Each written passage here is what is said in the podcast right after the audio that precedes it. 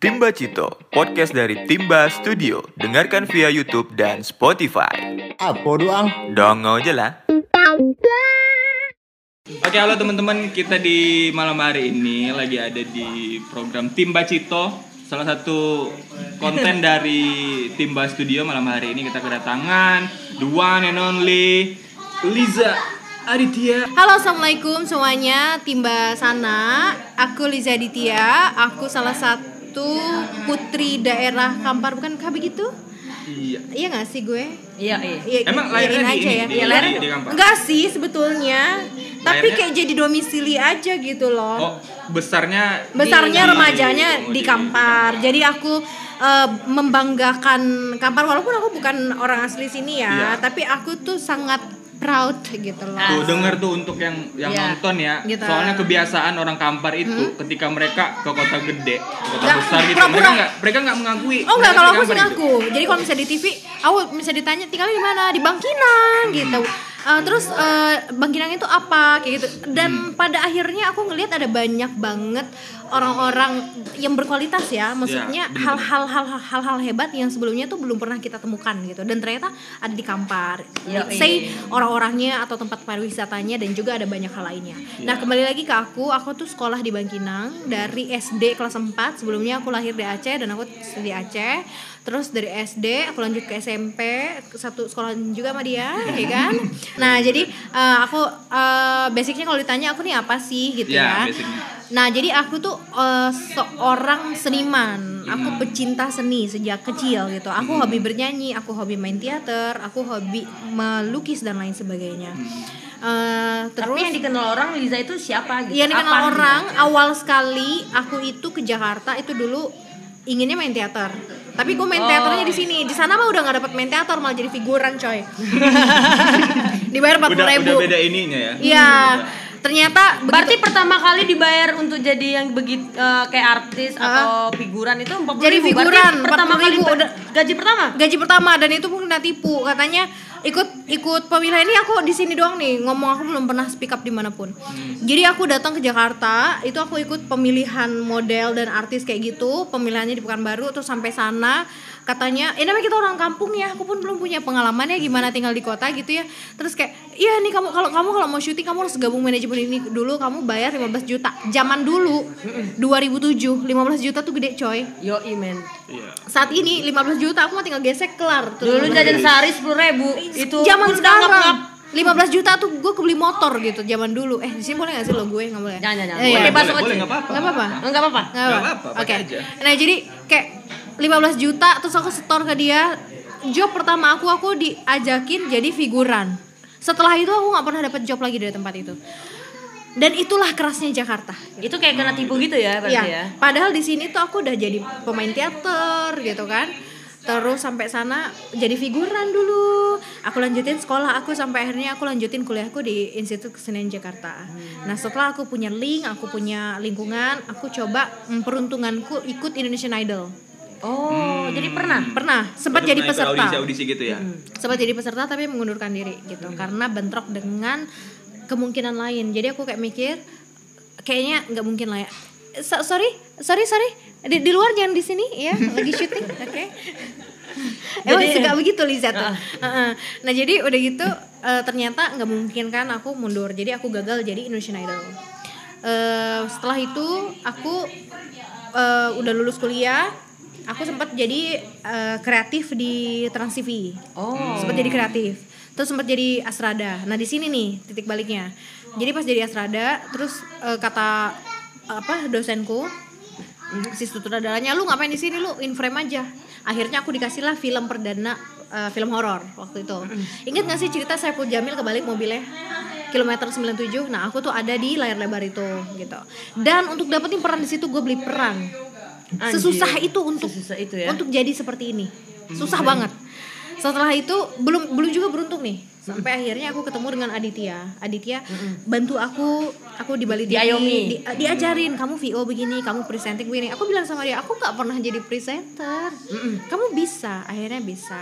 Akhirnya aku dapat job dari program satu sampai akhirnya aku punya program khususku sendiri gitu dan dan ini semua tuh memakan waktu bertahun-tahun bukan yang kayak datang dari bangkinan terus langsung Jep, jadi langsung gitu dapet kan. ya. Iya. Makanya kan dulu kan pas pertama datang tuh ada ada omongan-omongan gatel ya.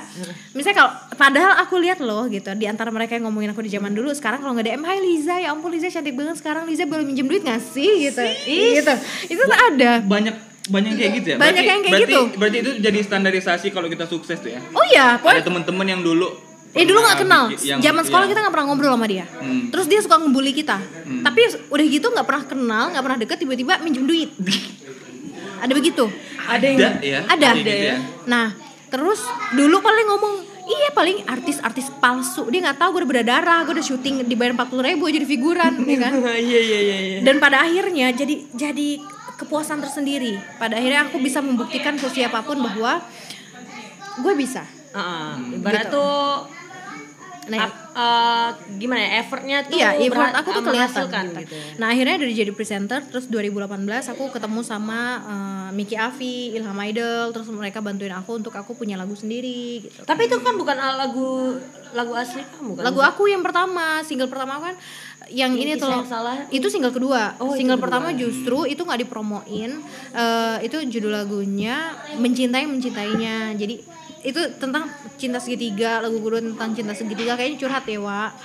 Nah, terus akhirnya eh, kalau ditanya sekarang Liza apa sih? Ya udah, Liza dulunya pernah jadi figuran, Berarti basicnya itu ya, basic pernah, itu seni pernah kayak- acting, acting, ya, acting, Ya, presenting, singer. singer oke. Gitu. Berarti jadi sekarang yang udah mau tahu Liza itu siapa sih? Dia itu presenter, dia juga uh, singer, satu lagi dia juga di bagian uh, apa? apaan iya presenter Hmm. uh, aktris Ah. dan juga ya singer gitu loh tiga Hmm. Iya iya. kalau model enggak karena gue pendek Iya, pokoknya kalau pengen tahu eh, seorang Liza Arita itu seperti apa di Instagram ya. di Instagram di Google di mana aja Oh, udah oh berarti udah masuk Wikipedia berarti nih. Sudah Wikipedia Liza Arita. alhamdulillah loh nggak nggak mudah loh ya kan Iya ya. iya benar. Benar. Jadi itu pelajaran tuh untuk teman-teman. Jadi kalau pengen pengen berhasil itu nggak nggak cuma beli followers. Enggak sampai enggak enggak jalan-jalan Iya. pintas itu enggak ada. ya Perjuangan kalian itu nggak akan membohongi hasil yang Hasil, kalian dapatkan. iya. Kalau kalian Betul. pengen hasil yang seperti yang dirasakan oleh seorang Liza Aditya itu ya ya tentu perjuangannya juga perjuangannya tentu harus lebih lagi gitu Iya, kan nggak nggak cuma dengan kalian cuma Mhm. ngebacot-bacot di sosial media gitu kan itu yang bikin kalian terkenal nggak juga Nggak gitu juga. kan Mas- masih banyak struggle- ngebacot struggle iya gitu. yang penting ngebacot boleh tapi ada isi nah Iya, itu ngebacot berisi. Itu ngebacot tapi lu nggak ada isi yang ada ditangkap polisi entar Nah, iya. Nah, baiklah Berarti, berarti itu ya basicnya seorang Liza Aditya mungkin yang kalau masih ada lagi pertanyaan Hmm. lihat aja. Biasanya tuh ada tuh kan yang bisa ngeliat Insta Instagram tuh. Kan kita bisa ngeliat tuh Hmm. ada hanya untuk senang-senang gitu. Konten kreator gitu kan. Kalau seorang Liza Aditya apa tuh? artis Artis. ah. Artis. cek aja sendiri Berarti udah udah kelihatan di situ. Iya. Dia biasanya Iya. artis. Gitu. Iya. tapi kan nggak enak sebetulnya kayak gue ngaku-ngaku kamu apa artis Iya kadang Iya, gue ngaku di IG gue gitu. kadang banyak yang kayak gitu ya. Eh enggak, tapi aku walaupun nulis gitu ya udah di verify, tapi eh, semua infotainment kalau beritain aku juga titlenya artis gitu Oh, loh. Bisa iya. dia artis atau penyanyi gitu. Oh, gitu ya, gitu gitu gitu. Liza Aditya ini kayak eh, sebelas dua belas sama Nikita Mirzani. Emang kayaknya. temen gue. iya bener. Eh, Nyai Liza. Nyai. Liza. Eh, Enggak, aku kalau sama fansku namanya Liza Nation, aku dipanggilnya Queen. Jadi aku harus seperti Oh, iya. Queen. Liza Nation ya. Liza Nation. Nation. Kalau ini Rifka nih Rifka Nation. Agak mendingan apa dong? Ini eh, mendengar. Mendengar. Oke. Enggak dia mah, jadi- dia punya nanti namanya sahabat Rifka. Noah kali sahabat. Kayak kekei, kayak kekei. Anjir. Hai sahabat. Keke, jangan marah. Nggak gue bantuin lagi lo ya. Itu kalau keke itu bagus loh itu orang-orang di belakang dia. Eh, bagus, gitu. Temen aku juga. dia dia tuh dijadiin maskotnya gitu kan oleh orang-orang yang Ya kayak keke aja, walaupun dia terlihat bego, ya kan? Tapi, jadi sesuatu. Jadi iya. gi- jadi gitu. Kalau kamu mau jadi sesuatu jangan setengah-setengah. Kalau mau cantik cantik banget, Iya. kalau mau bego bego banget, kalau mau pinter pinter banget, kalau mau nyablak lu nyablak banget. dia. Jangan jangan nih bego nih tapi sok pinter. Iya. Iya benar-benar benar itu penting banget. Terus kayak aku, aku walaupun dipanggil queen, tapi aku nggak bisa bersikap seperti queen. Pada akhirnya fans aku Lore tuh, aja, ya ya. nggak, ya udah gitu loh. Mau gimana? Gitu. Iya, iya, iya, iya. Mereka kalau fans aku kayak misalnya berantem, queen jangan terlalu eh, berantem ya Queen iya Hmm. Iya doang tapi kok berantem ya juga Iya iya iya benar. gitu enggak tapi intinya eh, tetap harus berprestasi lah Ya, mau gimana jangan gimana. jangan kosong lah. Jangan seakan-akan berisi tapi sebenarnya kosong gitu kan. Iya. Iya. Oke deh. Itu basicnya seorang Liza Aditya. Mm-mm. Kalau untuk ini sekarang kan lagi pandemi nih. Heeh. Di pandemi seperti ini tuh kegiatannya itu kayak gimana sih sekarang tuh? kegiatan alhamdulillah Kegiatan di- banget kegiatannya. Apakah itu me- apa mengurangi dari segi finansial atau misalnya pastilah berimpact. Tapi banyak ya penontonnya I love you. Ya. Jadi kalau misalnya pandemi itu gini awal tahun itu satu Januari aku tuh omset gede-gedean. Karena hmm. aku sendiri selain sebagai seorang uh, entertainer aku yeah. juga seorang pebisnis. Hmm. Aku punya beberapa bisnis di bidang cleaning. Hmm. Lalu di bidang uh, apa namanya uh, makanan. Skincare. Beauty house. Semua gue garap apa yang bisa jadi duit gitu ya. Nah intinya adalah dari semuanya pasti ada impactnya ketika pandemi ini. Yeah 1 Januari karena banjir di Jakarta omset luar biasa. Per satu bulan itu bisa dapat 200 sampai 300 juta. Hmm. Seminggu? Satu bulan. Satu bulan. Satu bulan. Wah. Gila lu kalau Itu seminggu. itu berarti kemarin kayak uh, oh, itu berarti kemarin emang parah banget Jakarta. Parah banget banjir. Pokoknya sejak buat Bodetabek itu alhamdulillah cleaningku 99 Home and Clean Solution itu kita handle banyak kantor, eh, rumah dan juga hotel gitu kan. Tapi kenapa nggak mau masuk gitu ke ke, ke Bangkinang gitu kan? Ke Bangkinang. Nolongin orang-orang yang mager-mager, anak rebahan. Sebetulnya ya. gini, aku Mau bersihin tempat tidur. Aku tuh ya punya kan? cabang di Bandung, punya cabang di Bali, punya cabang di Palembang. Setiap kota nih dia punya tipikal customer yang berbeda-beda. Iya benar-benar. Let's say orang Bangkinang, orang Bangkinang itu dia tidak akan mau spend money untuk bersih-bersih. Better gue punya waktu sedikit, gue bersih-bersih sendiri. Nah itu habitnya orang Bangkinang. Tapi ada ada orang-orang kota seperti Surabaya, Jakarta, Bali, mereka tuh orang sibuk. Di mana yaudah gue bayar, yang penting rumah gue bersih. Nah jadi tipikal seperti ini belum tentu akan membuat bisnis itu bisa stable di kota lain. Gitu. Bener-bener. Apalagi kalau di Bangkinang tuh tip tipikal orangnya juga nggak nggak cuma mager sih. Kayak mereka juga Perhitungan. eh, perhitungan gitu buat Betul. ngeluarin budget buat bersih-bersih. Ah, mending di Ya, jadi intinya sebagai seorang founder atau kamu mau menjadi seorang entrepreneur, kamu mau bikin bisnis, kamu tuh harus tepat memilih sasaran market. Kalau kamu ngelihat si A sukses dengan bisnisnya ini, belum tentu kamu akan sukses. Kenapa? Surveinya kamu, marketnya kamu belum tentu sama. Iya, gitu. Dan berbicara tentang pandemi di bisnis aku cleaning ini, alhamdulillah up karena kan banyak disinfektan, banyak hygiene cleaning, Iya, iya, kantor kayak gitu-gitu rumah, malah tidak drop gitu. Terus kayak bisnis makanan drop. Makanan drop. bisnis makanan drop akhirnya aku memutuskan untuk eh, bikin bisnis lain.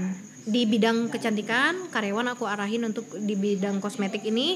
Jadi kita lebih bermain online dan mereka aku arahin untuk di gudang untuk untuk eh, apa namanya shipping dan lain sebagainya gitu. Jadi kita aku aku melirik kemampuan lain dengan orang WFH kayaknya ada kesibukan lain nih di rumah. Ada orang yang butuh produk ini gitu. Jadi hal-hal Jadi tetap seperti survive itu. ya? tetap survive. Kalau bisnis kecantikan nggak begitu hidup saat ini. Tapi tentu eh, masih hidup sekedar untuk bayar omset. Apa bayar gaji mah ada. Tapi kalau omset nggak ada. Nggak ada ya. bermuter-muter di situ aja. Iya. kayak gitu eh belum gue kasih tahu kalau sebagai artis aktivitasnya gimana. Dari selama selama ini eh selama pandemi off air nggak ada. Jadi artis tuh pada miskin semua. Memang memang kita Ngefek ya? ngefek banget. Off air kan nggak boleh keramaian nggak boleh.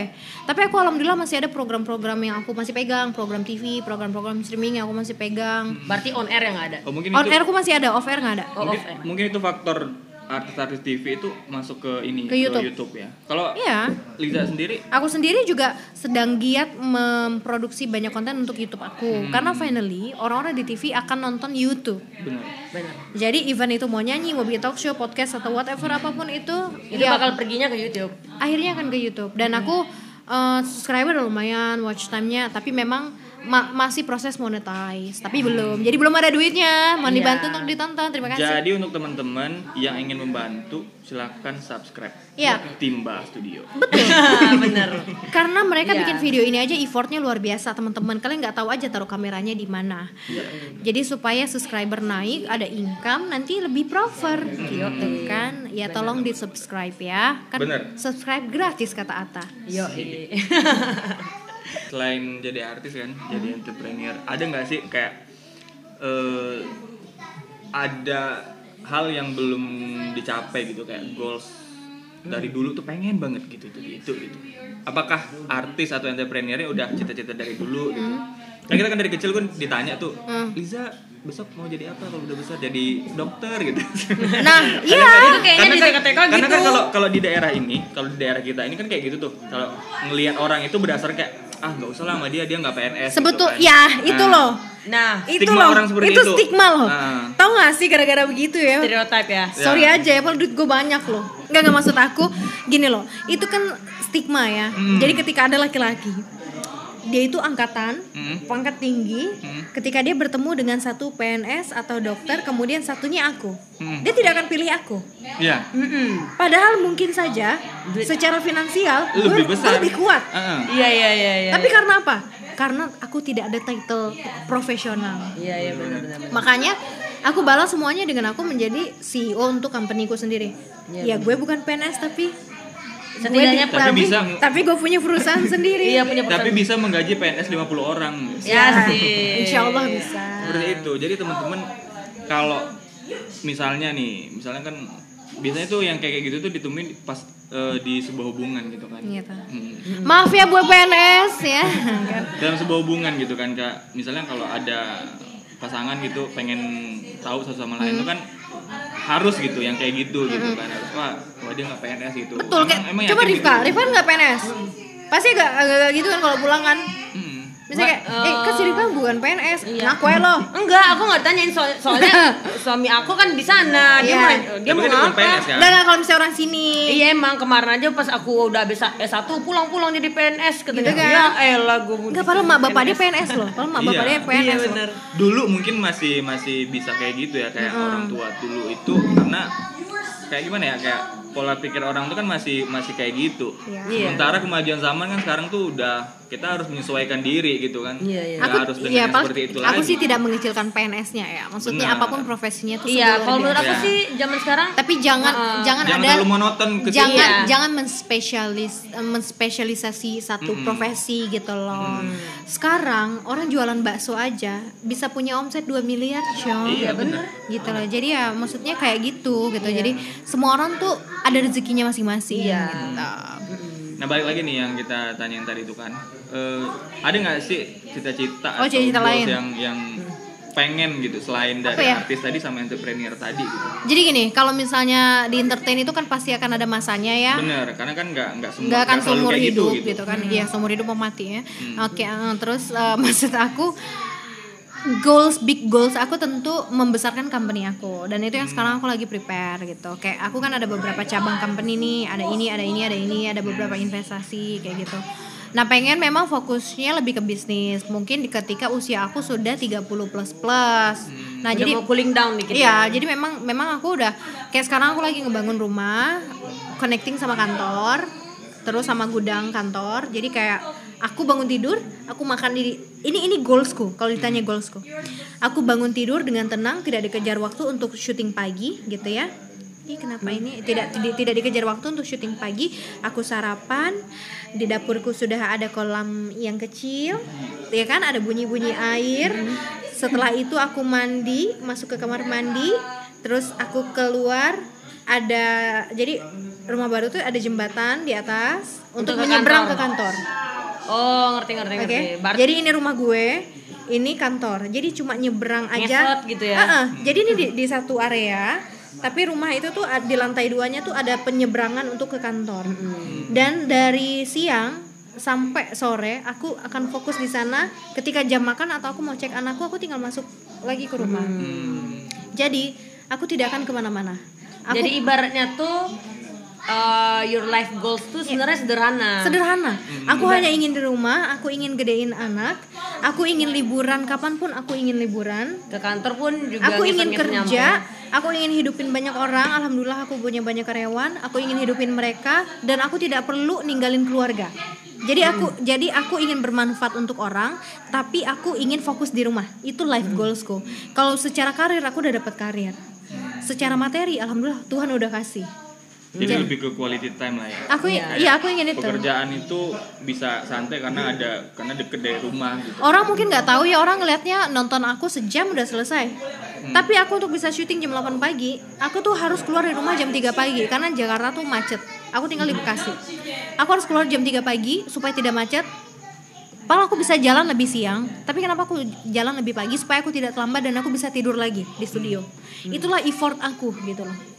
Iya benar-benar. Dan aku tuh udah pengen santai gitu. Makanya kalau dilihat sekarang aku syuting udah mulai berkurang Udah mulai udah mulai berkurang aku udah mulai fokus di bisnis sudah mulai fokus investasi gitu kan Iya, postingan kan Iya, kelihatan iya. kan Iya, iya, iya. nah jadi kayak kayak gitu maksud aku pada akhirnya semua orang sama kok inginnya Ibaratnya tuh jatuhnya kayak ibarat tuh waktu penjajakan tuh udah mulai menurun karena aku udah ngerasa oke ini saatnya aku untuk berinvestasi Betul. dan nah, menjadi investasiku entrepreneur gitu ya. investasiku finally itu di rumah gitu. Apa yang aku lakukan hari ini adalah untuk dapat masa baik eh, di masa datang tuh sama keluarga gitu. Itu aja kok Jadi memikirkan jangka panjangnya dengan kenyamanan di Iya, masa tua lah. makanya sekarang aku kerja gila-gilaan. Kerja bagai kuda tuh betul gitu. Sekarang tuh betul-betul kerja banget. Kayak misalnya aku kadang mau kerja tuh aku bilang ke anak-anak aku gitu Mama kerja dulu ya. Terus Dan alhamdulillah anak-anak tuh kayak yang Iya mama hati-hati ya. Dan aku tenang gitu lah gitu. Hati-hati ya mama. Mama kerjanya semangat ya. Gitu. Dan aku senang punya keluarga yang ngerti profesi aku Iya, iya, gitu. iya, penting banget sih itu. itu biasa ya sering terjadi tuh yang kayak kayak gitu. Kadang kan eh, ya kayak yang stereotip tadi lah gitu kayak stigma kayak kita tuh eh, nggak disupport passion kita nggak disupport gitu kan banyak yang kayak gitu di luar Nah sana itu gitu kan. kalau ngomongin kayak gitu tuh, Me, itu kayak kita ngomongin tentang daerah kita sendiri. Kita mau nge-highlight ibarat tuh sebenarnya kayak di tempat kita tuh banyak potensi yang bagus. Betul. Mm. Tapi kenapa mereka kayak ibarat tuh karena mungkin menurut aku yang bagus-bagus lulusan yang bagus dari kita tuh nggak Nggak di sini? Iya dia nggak mau balik lagi karena dia ngerasa aduh aku di Ya, bagian mau jadi dong. apa gitu. Iya kayak aku kayak Liza gitu kan kita mikirnya Iya. Aku, kita aku mau jadi apa di Betul. ujung-ujungnya bakal Aku sih jadi kayak PNS gitu. kan nah makanya ibarat tuh ya udah aku balik dulu terus eh, aku aku di sana kan terus aku kan ibarat tuh mikir balik lagi soalnya aku kan udah ngelihat banyak tempat terus kenapa nggak Bang Kinang bisa memikir sema, ber- berpikiran semaju ini gitu kan Betul. jadi ibarat tuh kayak western aja jadi makanya aku balik ya udah yuk kita jadi bikin ini emang timba. emang officially mau stay di sini? Enggak, kita aku rencananya emang nggak mau stay di sini dulu, tapi ibarat tuh aku mau ngangkat lagi kak pekarya-pekarya anak muda yang kita ada, mereka kurang wadah dan ibaratnya menurut aku sayang sekali gitu loh, ibarat tuh kok nggak di disupport sih itu malah Bener. apa nih yang kamu bikin kayak nggak ada ngasilin ya udah Kalau aku sih jujur ya, aku di masa mendatang tuh aku ingin eh, deket orang tua, inginnya di Bangkinang. Sebetulnya. menua ya Mm, makanya aku tuh harus settlein dulu hidupku di sana gitu kan. Selama aku berkarir di sana aku harus settle dulu. Ketika aku pulang ke sini aku punya modal. Jadi aku mungkin aku aku sama kok kayak Rifka. Aku da- da- dari jauh-jauh waktu tuh aku selalu mikir gini, Bangkinang tuh punya banyak potensi. Bangkinang tuh punya makanan yang enak-enak. Bangkinang itu punya art yang luar biasa. bagus bagus Kampar tuh luar biasa. Terus Bangkinang tuh juga punya tempat pariwisata yang oke. bagus banget Bangkinang tuh juga punya view-view yang hebat-hebat gitu loh. At least kalau kita mau foto-foto di sini spotnya banyak banget gitu. banyak banget bayangin aja kalau orang yang di Jakarta pasti dia ke Bandung dulu kan Nah. Betul. Aku kayak mikir ya. Aku pernah mikir gitu kayak ini tuh bisa diginiin loh. And let's say makanan daerah aja kalau di di package dengan dengan lebih baik, Pemasarannya lebih baik. pemasaran lebih baik, dia bisa terbang loh gitu. jauh banget sebenarnya Tapi masalahnya di sini ada banyak banyak ada banyak orang hebat, ada banyak influencer, tapi mereka mungkin belum eh, belum sampai ke sana. lebih ke ini sih kalau kalau yang kita lihat ya influencer influencer di daerah ini tuh lebih ke egois sih mas Iya. mereka masih mikirin diri mereka sendiri gitu kan Kalau aku jujur aku udah mikirin kayak Rifka. One day I wanna back to my village. You bilang village, Village. kan? I wanna back to my home. And then I will make it something gitu. Iya. Aku pengen kontribusi kepada daerah Iya. sendiri Benar. itu penting banget soalnya emang aku kasihan aja coba berapa banyak yang lulusan Kasihan nangis dong. luar lulusan yang bagus met bener bener bener tapi dia nggak ngekontribusi lagi ke tempat kita dan emang menurut aku mereka kurang meli oh apa kurang melihat kampar Sebetulnya gini juga besar. sih kak. Jadi ada banyak lulusan bagus. Mereka udah lulus di Jakarta. Kemudian mereka punya link di sana. Mereka kerja di sana. Dan dan sama pemikiran kayak kita. Gue kalau balik ke kampung gue kerja apa? Iya, Nah jadi mindset ini loh. Gue kalau balik ke kampung gue kerja apa? Nah kalau kalau kayak misalnya Rifka atau Ame yang udah di sini gitu kan punya banyak link, punya ada banyak pandangan, kita bisa bikin ini dong. Dengan kalian membangun, finally orang tuh yang sudah merantau, Dia melihat. Rifka aja bisa hidup kok dan bahkan lebih settle kok di sini. Kenapa gua nggak bisa? And then orang balik gitu. Iya benar. Hmm. Kalau kita ngomongin potensi nih, potensi daerah nih. Kalau dari pandangan seorang Liza Aditya nih. Hmm. Karena kan udah udah, udah nginjak ibu kota nih. Hah. Perbedaannya kayak gimana sih daerah kita ini sama, sama ibu kota? Perbedaannya apa nih? Dari perbedaan ya dari Kualitas kualitas kayaknya kualitas kayak kultur otomatis sudah, Culture. beda kan. udah beda. Kalau culture sih luar biasa udah beda ya. Jadi at least gini, misalnya kayak aku tidak terbuka, tapi aku nggak I'm not wearing hijab. Hmm. Itu aja masih iya, it- jangan kalau mis- aku aja ya, aku aja problem sebetulnya. kebayangkan me, misalnya kalau misalnya aku keluar gitu kan, Hmm. dita- diliatin gitu, terus saya bilang ya udah, ibaratnya aku mau balik ke sini, aku nggak bakal ngerubahin kayak gimana aku, Iya. soalnya aku ngerasa kalau aku ngerubah aku seperti apa orang orang di sini, jadi ibaratnya aku memperpanjang rantai yang sudah ada. Iya, yes, betul. Soalnya seseorang itu tidak bisa dihakimi dari penampilan. Iya betul. Nah jadi itu pertama kalau kita bicara culture tadi Iya, benar. dari hijab aja itu udah udah udah salah gitu loh penilaiannya. Jadi kayak orang daerah kita ini tuh kayak masih punya mindset yang belum kebuka gitu. kan. Yes betul. tuh Padahal kan keimanan seseorang eh, itu kan tidak bisa dilihat dari situ juga. Iya. Gitu ya. Itu hanya Tuhan dan dia sendiri. Iya. bener bener bener. Gimana sih hablum minallah ya? Iya, Hablum minallah. Hablum minallah, hablum minallah gitu. Gitu, bener. Pinter loh gue. Jadi maksud aku lebih kayak gitu loh. Jadi kayak eh, itu pertama culture. Yang kedua adalah eh, potensi SDM sih, lebih kepada SDM ya. Beda ya. Oh, oh, jadi orang-orang sini tuh padahal hebat-hebat tapi mereka nggak Fasilitasi. gini karena karena mereka tidak keluar dan orang yang orang yang sudah keluar tidak balik. Orang yang tidak keluar ini mereka tidak punya mindset lebih untuk mereka sekedar sudah bisa survive di sini. Mm-mm, benar benar. jadi benar. jadi yang aku lihat tuh padahal ya kalau aku tinggal di sini aku aja tinggal di Bekasi. Bekasi itu bukan kota aku bukan kota kecil aku. Tapi ketika aku melihat eh, di sana karena memang basicnya aku bukan followers ya aku founder. Jadi aku ngeliat marketnya oh ini gue bisa bikin gini. Mungkin kalau aku stay di sini 2-3 bulan sama kayak Rifka Mm-mm. I will make it something. Iya. confirm. Benar gitu. benar. pasti aku akan lihat wah ini bagus nih bisa digarap nih. Wah ini oke nih ini bisa digarap nih. Ada banyak hal gitu. Kalau mungkin Rifka dia lebih kepada apa Kreatif. namanya eh, tempatnya placementnya di sini. Kalau aku lebih kepada medianya kayaknya. Aku akan bikin sesuatu tapi lebih kepada media.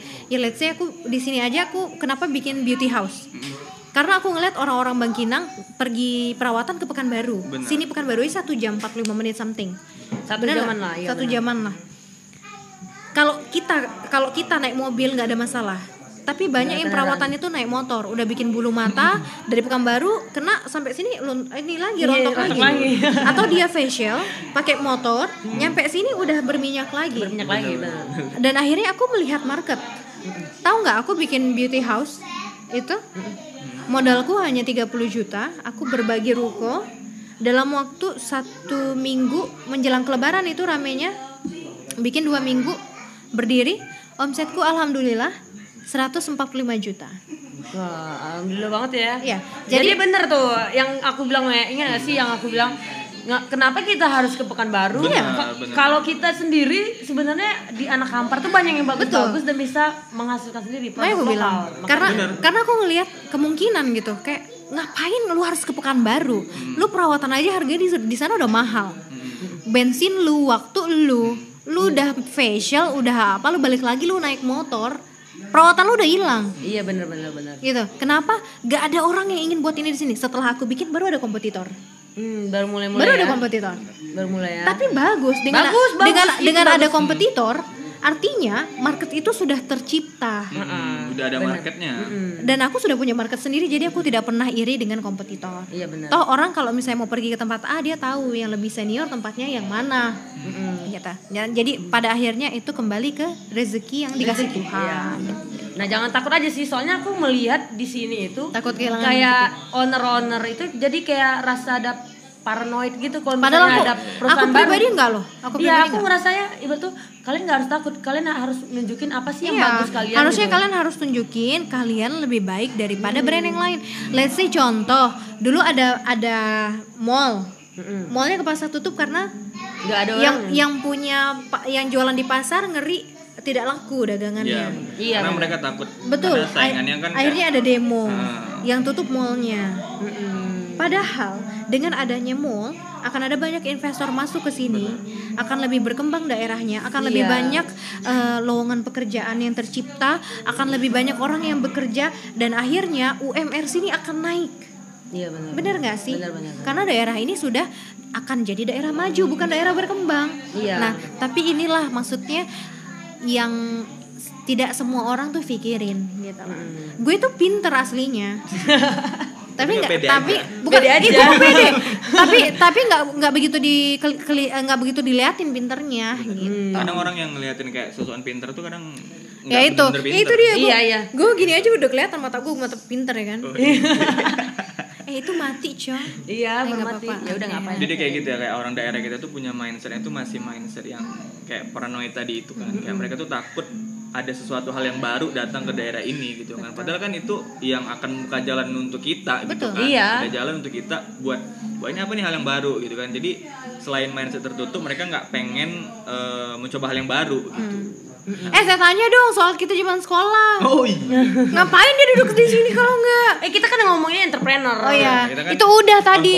Iya. Iya. Pokoknya seperti itulah mudah-mudahan apa yang disampaikan ini kayak uh, akan ada apa sih bahasanya Eh, akan ada motivasi. motivasi. Nah bicara soal motivasi kita berdua pun termotivasi untuk jadi begini dari kalau aku dari SMP kalau Rifka dari mana? Kalau aku sih pas aku SMA mau kuliah sih aku ngerasa tapi kalau misalnya oke jujur ku katakan kalau untuk berkontribusi ke daerah sendiri itu sebenarnya baru. Baru. Tapi aku udah pengen bikin kafe sebenarnya dari lima tahun yang lalu. Hmm. Aku nyadar lagi, eh ini kayak 2015 aku sebenarnya pengen Kak, jadi gini. pokoknya kalau sekarang mau bikin kafe jangan dulu lagi covid. sekarang iya sekarang udah enggak sih Sulit. makanya aku Tidak boleh dine in.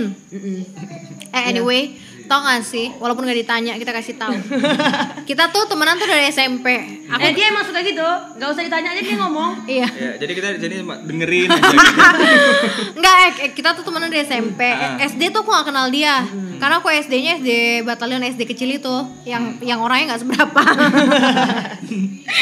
By the way, eh, Kalau dia kan- batalion itu tuh bersejarah loh tuh SD-nya. Oh iya, iya betul. Sekolah. Berjarak. Jadi dulu pas aku SD di sana tuh ada orang-orang Belanda yang datang karena situ tuh kayak itu loh, apa? Kayak peninggalan Peninggalan Peninggalan Belanda sejarah. gitu. Ih, besok aku mau sana ya, tapi besok mau terbang ya, itu nggak pasti pasti banyak yang nggak tahu tuh pas itu.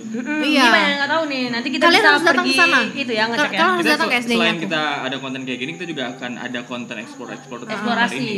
Eh terus ini kita cerita dulu. Nah terus kita kan temenan SMP ya. Kelas 1 kita belum temenan kan kak? Kelas 2 Bang. Dia kan eh, kelas 1D, eh kelas 1B, aku 1D. Satu A aku. Emang 1A? Oh iya, 1A. Tahu katanya temenan. Dia kan beda kelas. Ah, beda kelas. Kan kelasnya ada banyak. Eh situ SMP di mana? eh, SMP satu. SMP satu Oh, dia. iya. SMP satu. Kok dia nggak Kita tahu? kakak kelas Oh, iya. ini gimana? Eh, junior diem. Kayak- Dia kelas 1 waktu itu kita kelas Nah tiga. jadi kan aku tuh 7D, aku sama Lana. Iya, iya, iya, iya. Terus oh siapa? Rati. Aku sama Rati. Sama Rati ya? Iya. Nah akhirnya kelas 2 tuh kita Dia kan habis itu jadi eh enggak Rati 7 7 7 pas pas kelas 2 aku baru sekelas sama Rati. Oh iya ya C ya. Ah, ah, 7C, kok 7B kan? Bukan eh 7C, enggak 8. 8C. Kok 8B? Aku 8B. 8B. Lana itu kelas cemerlang pinter-pinter gitu ya, Iya, les ya kan. Si. Pada- Bang ini nih. Padahal mah beda, padahal bedanya cuma kelasnya tuh pakai AC. Kaki. Sama Bang ini siapa? Apa? Kurniawan ya siapa? Iya, ada kenalan ya? Ya. Iya, ya dia juga cuma Nah, terus di situ tuh kita ikut ekskul namanya tuh apa? Young entrepreneur, eh bukan Ah, entrepreneur, young jurnalis journalist. ya, jurnalis muda. Ya, young journalist Kabupaten Kampar. Berarti emang dulu basicnya ada ini juga ya. Iya, Memang dari awal. dulu kita tuh udah hobi ngomong ya. Ah, lebih ke Menulis majalah dinding, Iya. majalah sekolah kan. Kita dulu tuh bikin mading, kita tuh dulu diajarin sama Karina Dianti Hasan, bener kan? Iya, benar. Terus kita diajarin nulis, kita diajarin bagaimana loh jadi wartawan. Sampai akhirnya tuh kita dibawa pelatihan. Pelatihan lah seminggu di hotel apa tuh situ kah? Yang Bangkinang ini kah? Hotel Alta. Wisma apa gitu? Oh, bukan. Enggak. Hotel Enggak Bangkinang ya? baru. Ah, iya iya. Dulu kan masih bangunan lamanya yang sebelah Oh, yang sini. Di situ ketemu pacarnya kan, pacar pertama. Nah setelah itu Sehingga sebentar. setelah aja. setelah itu baru ke Riau Pos terus kita Oh, bikin gitu. berita ya kan kita bikin berita nah setelah itu kita di challenge eh, sama Karina itu untuk liputan eh, apa siswa berprestasi yang bisa masuk di apa eh, segmen akhir pekan ya Iya iya iya iya. Eh, nulis lah aku nulis berita Nulis siapa Tentang sekolah. tentang sekolah dia enak tentang sekolah Ah. aku nulis tentang Lana Oh iya. Wah, gue tuh harus eh enggak deng. Aku Aku nulis sekolah. Aku nulis tentang si Lana bukan aku deh kak. Aku tuh nulis tentang Ratih. Oh tentang tentang Rati. tentang siswa berprestasi Iya, gitu. siswa berprestasi. Jadi lu tau gak? Si Ratih itu, jadi nih ya, si Ratih itu ya, ikut tuh ajang. Gas ya. Ikut tuh ajang eh, Riau Pos yang itu loh kak yang jadi model-model di SKA Oh catwalk. Catwalk iya gitu. catwalk. Oh, dia kan catwalk. ikut. Kita kan disuruh nulis berita kak. Ah, terus oke. kan setelah pulang dari situ kita kan foto-foto itu si Rati terus kita kan suruh bikin berita. Aku bikin tuh berita si Rati berprestasi dia dapat juara berapa? Pas hari Rabu dikumpulin yang yang di ini tau nggak? Yang dipa yang dipanggil sama kepala sekolah tepuk tangan untuk Rati ya kan juara catwalk padahal yang bikin berita si Rati tuh gue. Tapi aku nggak disebut. Padahal kan tahu nggak sih nulis berita tuh sampai nggak tidur sampai datang ke Pekanbaru duit jajan juga minta sama orang tua nggak minta sama Rati coba di ujung berita tuh dengar kan tuh Rati dengar eh, ya. dengar tuh Rati ya Kamu juga dulu saya sulit mendapatkan tanda tangan kakak senior. Oke, terus ya kan, terus udah gitu kan di ujung berita tuh kan ada kode tuh. Dulu, Iya, apa, iya. Aku les, Aku RH. Aku les Aku ya kan. RH. Nah harusnya kepala sekolah itu mengapresiasi si penulis si les ini. Hasil les ini. Bener nggak? Terima kasih juga untuk wartawan. Muda kita. Gak ada kan lu disebutkan? Nggak ada. Gak ada kan? Dari situ aku langsung, gue nggak bisa begini. Gue nggak bisa nulisin berita orang. Gue harus ditulisin beritanya sama orang. Dan alhamdulillah sekarang beritaku banyak ditulisin sama orang. Se- Berarti jadi- dia jadi- benar-benar- jadi motivasi ya. Aku Ya. termotivasi. Motivasi. Berarti dia benar-benar udah tahu apa ya jalan hidup Aku dia. udah tahu dari udah SMP, itu. gitu ya. Dari situ, dari situ aku udah tahu. Gue nggak mau nulisin berita orang. Gue mau orang nulisin tentang gue. Dan alhamdulillah robil alamin, wa syukurillah mau di mana-mana sekarang berita aku ditulisin orang nggak nulis sendiri terus suruh posting gitu. Iya benar-benar benar. Gitu loh kak. Jadi jadi poinnya adalah bukan negatifnya ya. Pertama ingin menjadi rati itu adalah motivasi untuk jadi lebih Motivasi banget ya. itu yang pertama. Yang kedua, untuk ingin dipandang itu tidak selamanya orang yang tidak terlihat. Jadi apresiasilah orang yang tidak terlihat yang sudah mengcreate sesuatu yang menjadi lebih sempurna. Iya. Itu. Bener. Itu yang penting loh. Kadang Beruntung tuh ada tuh yang kayak gitu. beruntung aku tuh orang yang terbangun gitu untuk ayolah Iya iya bener. bener. lu jangan iri, lu jangan iri tapi lu harus jadi dia. Mm-mm. Beruntung, beruntung begitu. Tapi kan ada orang yang iri ngomongin di belakang. Iya bener bener. bener. Gitu. Jadi gitu tuh poinnya tuh ya. Jadi jangan cuma mengapresiasi orang-orang yang sukses, tapi apresiasi juga orang-orang di belakangnya. Betul. Kadang foto wisuda, terima kasih telah menemani dari nol. Bukan pacar yang menemani Anda. tapi orang tua. Bener bener. bener. Apresiasi orang tua, foto bersama orang tua. Ini, ini deh, ini deh. eh, Apa? harapannya Aku. seorang Liza Aditya untuk Tentang apa? Nah, daerah ini. dari dari dari SDM-nya, dari SDA-nya. Ya singkat aja lu denger aja nih video di pertama tuh udah harapan gue semua. Hmm. Ngapain gue ulang-ulang? Lu kan bisa denger biar biar lu nonton, biar lu fokus. Terima kasih yang telah menonton ataupun Ya, mendengarkan podcast maka- ini. ah, makasih juga udah di invite ke podcast Terima kasih Timba. Liza Aditya. Sama- Sama-sama. Ya, sukses untuk ke depannya walaupun situasi seperti ini. Thank you. Ya, uh, Masih stay strong. Ya benar. Sukses Stay juga buat kalian. Semoga kalian eh, tetap pada apa ya, keep on track. Yes. Dan semoga goalsnya untuk membanggakan daerah Kampar dengan eh, kehebatan kalian masing-masing tercapai. Amin. Amin. Jadi untuk kalian di luar sana tetap ikuti passion kalian. Yes, penting banget. Selagi positif. Wah, terima kasih banyak semuanya. Kita jumpa di podcast selanjutnya. Bye.